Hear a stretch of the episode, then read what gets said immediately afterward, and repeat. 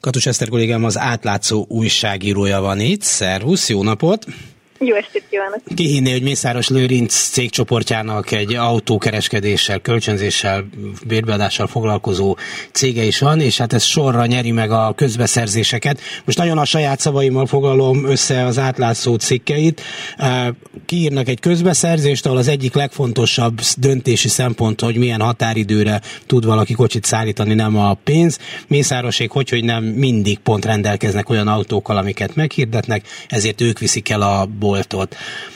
Hát én feltételezem azt, hogy ebben a nagy sikerben nem csak a hatalmas raktárkészlet lehet, hanem akár az is, hogy előzetes, benfentes információkkal rendelkeznek, vagy már úgy írják ki a pályázatot, hogy bőr, sport, fűthető sportkormány, és az pont nekik van, mert ők már tudták, hogy ez benne lesz a kiírásban.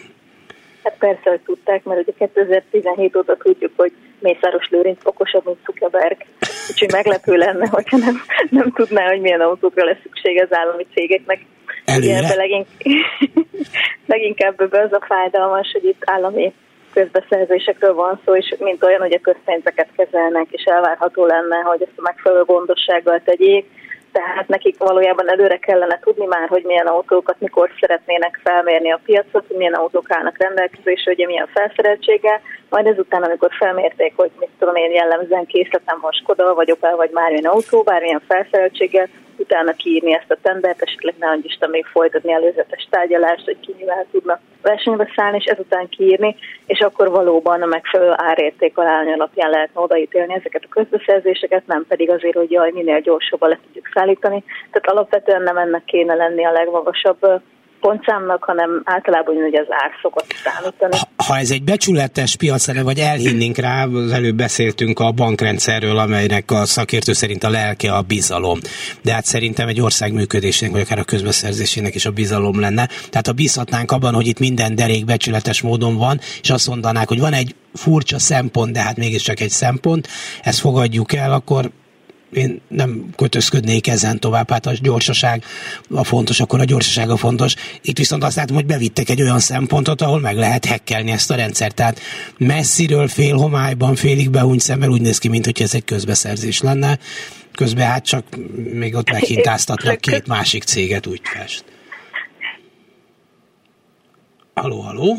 Hiszen elvileg formailag ugye megfelel követelményeknek, de például azt tudni kell, hogy mondjuk az építési tendereknél már ki is vették ezt a nagyon gyors határidőt, mert sokan visszajeltek ezzel, hogy beajánlottak egy nagyon gyors határidőt, ugye azzal elnyerték a kivitelezést, majd utána abban még a kötbért is simán beleszámolhatták, még úgy is jobban megérte nekik ugye a tranzakció, és azért ezt ugye be tudták vállalni.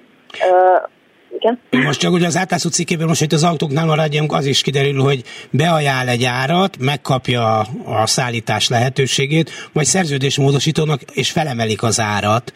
Igen. Tehát a közbeszerzési versenynél egy alacsonyabb áron indult, de végül is ugyanannyian drágán adja el, mint aki lemaradt a versenyben, csak Igen, nem módosított.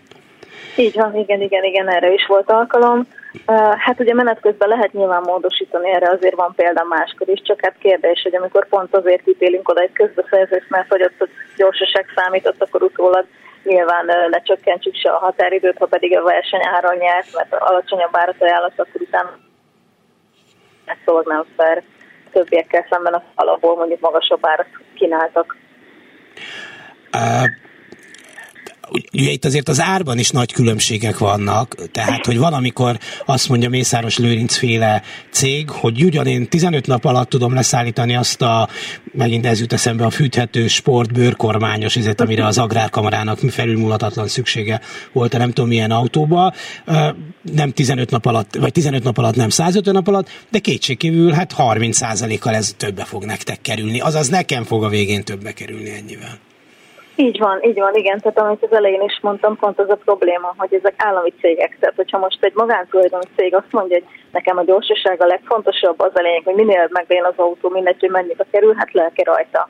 De itt ezek ugye közpénzből működő állami szervezetek, akiknek az lenne a célja, hogy úgy bánjanak a közpénnyel, hogy ezt tisztességesen ugye kell. Tehát, hogy ők náluk nem számíthatnak feltétlenül a gyorsaság, ez mondjuk olyan közbeszerzéseknél jellemző, amikor valami olyan hirtelen esemény történik, mondjuk kirobban a háború, és szükség van a menekülteknek élelmiszercsomagra, akkor ugye nem húzhatjuk az időt, hogy minél tovább tartson, hogy megtaláljuk ugye a megfelelő ajánlatot, ott valószínűleg többért fogjuk tudni beszerezni a csomagokat, amire hirtelen szükség van. De hogy ezek ugye nem olyan szerződések, tehát itt bőven lesz volna idő arra, hogy kivárjuk akár a 145 napot, vagy a 130, vagy akár egy napot, amivel ugye többi cég indult.